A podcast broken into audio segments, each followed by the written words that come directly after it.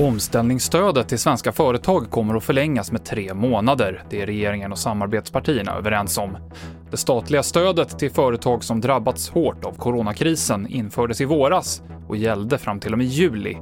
Företag kommer också få skjuta upp inbetalningen av skatter som arbetsgivaravgift och moms ännu längre.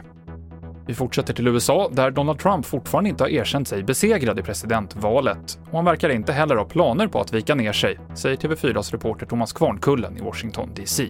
Istället så kommer det rapporter här i USA i natt om att det finns eh, diskussioner om att eh, Donald Trump eh, ska ge sig ut och möta sina supportrar på möten igen. Detta för att då få ökat stöd för krav om att rösterna ska räknas om.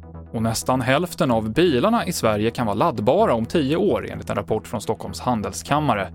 Koldioxidutsläppen från bilar kan i så fall minska med nästan 60% men då krävs det att laddpunkterna, som idag är 10 000, ökar till hela 260 000.